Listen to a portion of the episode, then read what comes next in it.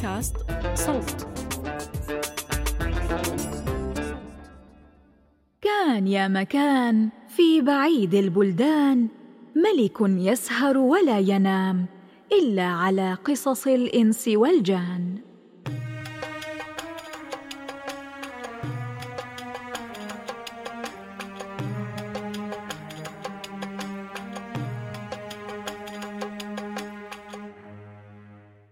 بلغني أيها الملك السعيد أنه كان في مصر سلطان صاحب عدل وإحسان. له وزير عاقل خبير له علم بالأمور والتدبير وكان الوزير شيخا كبيرا وله ولدان كانهما قمران. وكان الكبير اسمه شمس الدين والصغير اسمه نور الدين. وكان الصغير نور الدين آية في الحسن والجمال. وليس في زمانه أحسن منه.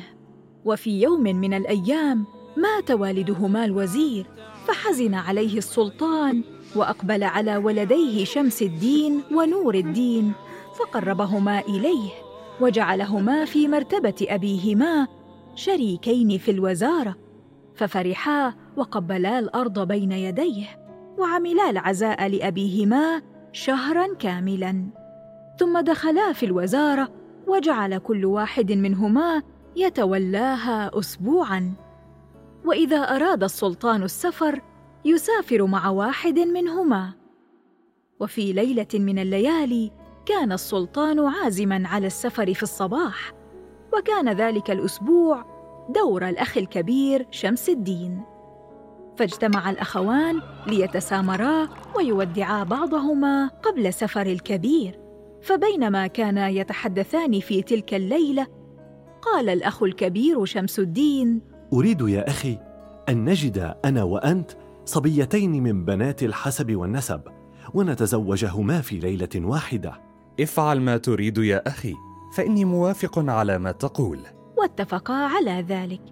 ثم أكمل شمس الدين. وأريد أيضا إن قدر الله وحملت الصبيتان في الوقت ذاته وولدتا في يوم واحد وأراد الله وجاءت زوجتك بغلام وجاءت زوجتي ببنت أن نزوجهما لبعضهما لأنهما أولاد عم. لا مانع عندي يا أخي ولكن كم ستأخذ من ولدي مهرا لبنتك؟ سأخذ من ولدك ثلاثة آلاف دينار وثلاثة بساتين وحمل ثلاث نوق. فلما سمع نور الدين هذا الكلام غضب وقال ما هذا المهر الذي تشترطه على ولدي؟ أنسيت أننا أخوان ونحن الاثنان وزيران في مقام واحد؟ وكان الواجب عليك أن تزوج ابنتك لولدي من غير مهر؟ ولكن أنت تريد أن تفعل معي كما يقول المثل إن أردت أن تطرده فاجعل الثمن غاليا. لا شك أنك ناقص العقل ومنعدم الأخلاق. وأما شراكة الوزارة التي بيننا فما أدخلتك معي فيها إلا شفقة عليك ولأجل أن تساعدني وتكون لي معينا. ولكن قل ما شئت وما دام قد صدر منك هذا القول والله لن أزوج بنتي لولدك ولو دفع وزنها ذهبا. فلما سمع نور الدين كلام أخيه شمس الدين اغتاظ وقال وأنا لن أزوج ابني بابنتك ابدا. أنا لا أرضاه لها بعلا أصلا. ولولا أنني أريد السفر لكنت علمتك الأدب. فلما سمع نور الدين من أخيه ذلك الكلام امتلأ غيظا وغاب عن الدنيا وكتم غيظه حتى انصرف كل واحد إلى بيته. فلما أصبح الصباح انطلق موكب السلطان للسفر ومعه الوزير شمس الدين. وأما أخوه نور الدين فبات تلك الليلة في أشد ما يكون من الغيظ. فلما أصبح الصباح قام وصلى الصبح وعمد إلى خزانته وأخذ منها كيسا صغيرا وملأه بالذهب وتذكر قول أخيه واحتقاره إياه. فأمر بعض خادمه أن يشد له بغلة سريعة المشي فشدها ووضع عليها سرجا مذهبا. وأمر أن يجعل عليها بساط حرير وسجادة وأن يوضع كيس الذهب تحت السجادة. ثم قال للخادم والحراس أريد أن أتنزه خارج المدينة وأزور نواحي القليوبية ويمكن أن أبيت هناك ثلاث ليال. فلا يتبعني منكم أحد فإني لدي ضيق في صدري. ثم أسرع وركب البغلة وأخذ معه شيئا قليلا من الزاد. وخرج من مصر واتجه نحو البر فما جاء عليه الظهر في اليوم الثالث حتى دخل مدينة القدس فنزل عن بغلته واستراح وأراح بغلته وأخرج شيئا ليأكله ثم نام في ذلك المكان والغيظ ما زال غالبا عليه.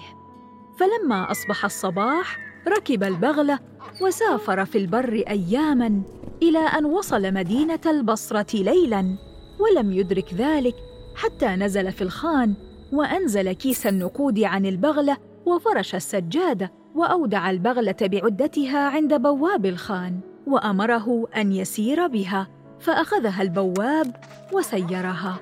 فاتفق أن وزير البصرة كان جالسا بجانب نافذة في قصره فنظر إلى البغلة ورأى ما عليها من العدة الثمينة فعلم أنها بغلة وزير من الوزراء أو ملك من الملوك. فقال لخادمه أن يأتيه بالبواب الذي يسير البغلة. فذهب الخادم وأتى بالبواب إلى الوزير. فسأل الوزير البواب عن صاحب البغلة وصفاته. فأخبره البواب أن صاحب البغلة شاب صغير من أولاد التجار عليه هيبة ووقار. فلما سمع الوزير كلام البواب قام وسار إلى الخان ودخل على صاحبنا. فلما رأى نور الدين الوزير قادما إليه قام ولاقاه واحتضنه وسلم عليه ورحب به وأجلسه عنده. فسأله الوزير عن أصله وعما أتى به إلى البصرة. يا مولاي لقد قدمت من مصر وكان أبي وزيرا فيها وقد انتقل إلى رحمة الله. وأخبره بما جرى له من أوله إلى آخره. وعزمت على نفسي ألا أعود ابدا حتى أرى جميع المدن والبلدان. فلما سمع الوزير كلامه قال له يا ولدي لا تطاوع النفس فترميك في الهلاك فإن الخراب عم في البلدان وأخاف عليك من عواقب الزمان. ثم أمر الوزير خادمه بوضع متاع نور الدين عن البغلة وأخذ نور الدين معه إلى بيته وأكرمه وأحسن إليه وأحبه حبا شديدا وقال له يا ولدي لقد صرت رجلا كبيرا في السن وليس لي ولد يرثني وقد رزقني الله بنتا تقاربك في الحسن وكنت قد منعت عنها الخطاب وقد وقع حبك في قلبي فهل لك أن تأخذ ابنتي زوجة لك وتكون لها سندا وسترا؟ فإذا قبلت بذلك أذهب بك إلى سلطان البصرة وأقول له إنك ابن أخي وأقربك إليه حتى أجعلك وزيرا تخلفني وألزم أنا بيتي فإني صرت رجلا عجوزا. فلما سمع نور الدين كلام وزير البصرة أطرق برأسه وقال سمعا وطاعة يا سيدي. ففرح الوزير بذلك. وأمر غلمانه أن يصنعوا له طعاما وأن يزينوا قاعة الجلوس الكبرى المعدة لحضور أكابر الأمراء. ثم جمع أصحابه ودعا أكابر الدولة وتجار البصرة وقال لهم إن لي اخا وهو وزير بالديار المصرية ورزقه الله ولدين وكان قد أوصاني أن أزوج ابنتي لأحدهما ولقد عزمت أن أزوجهما وأكتب كتابهما اليوم أمام الحضور وأشار إلى نور الدين. فتقدم القاضي والشهود وعقدوا القران ثم شربوا السكر ورشوا ماء الورد وانصرفوا.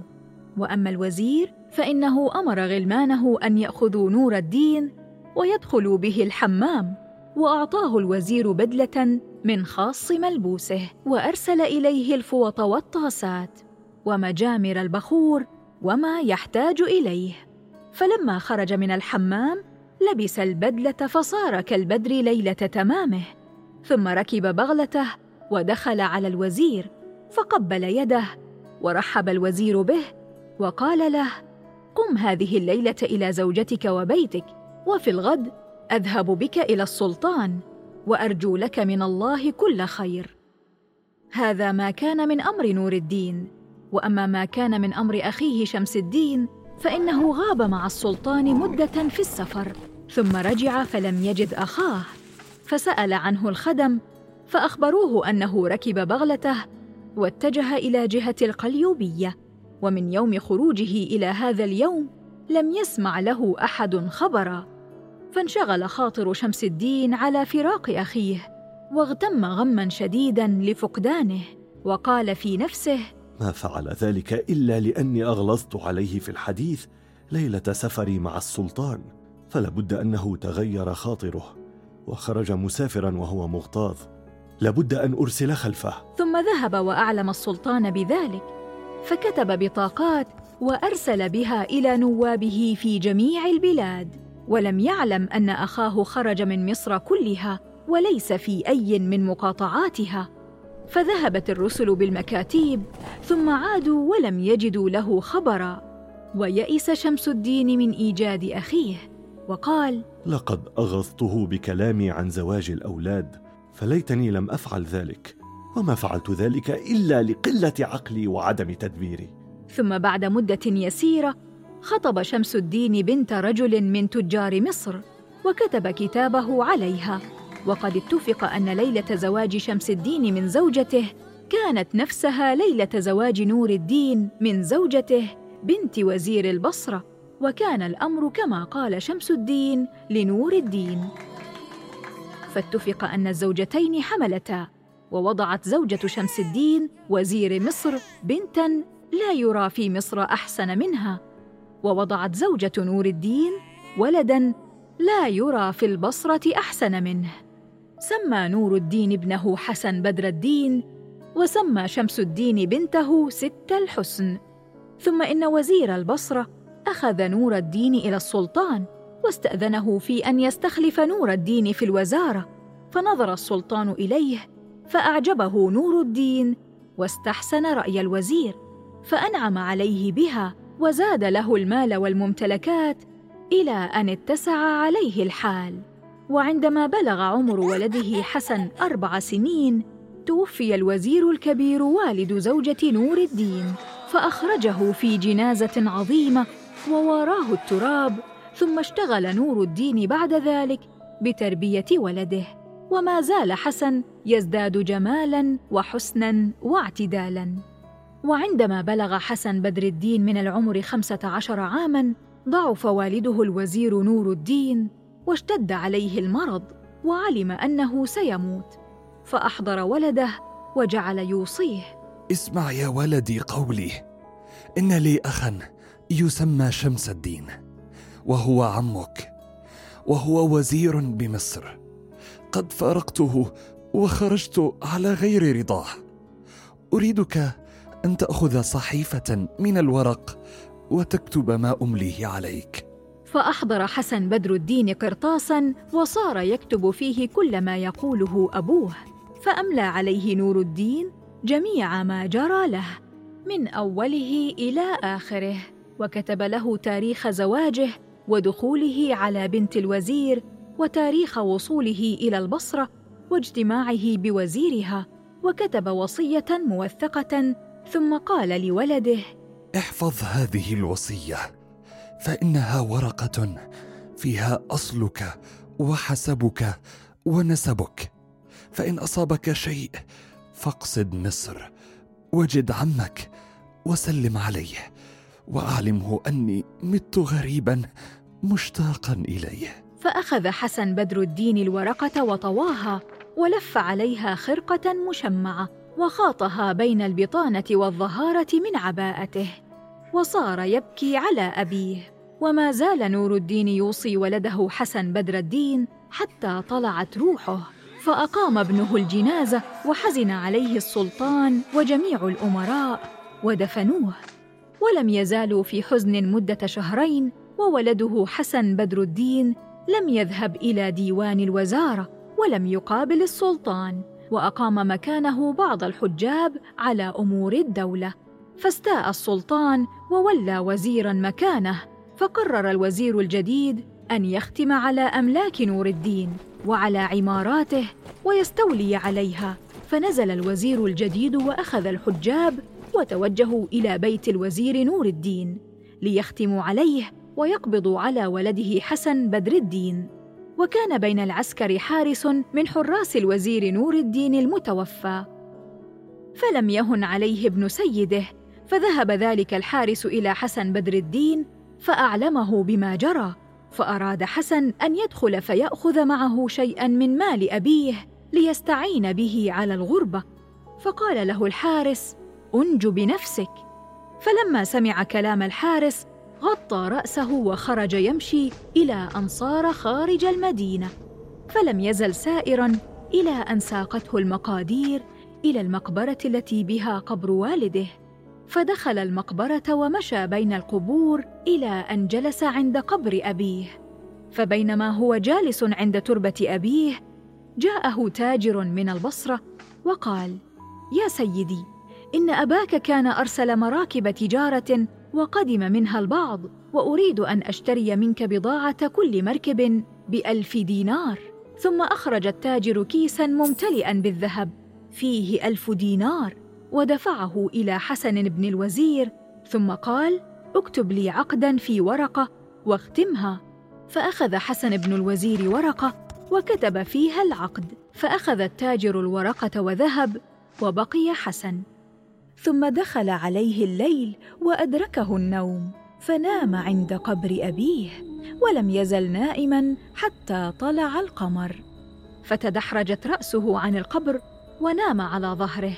وصار يلمع وجهه في القمر وكانت المقابر عامرة بالجن المؤمنين فخرجت جنية ونظرت إلى وجه حسن وهو نائم فلما رأته تعجبت من حسنه وجماله.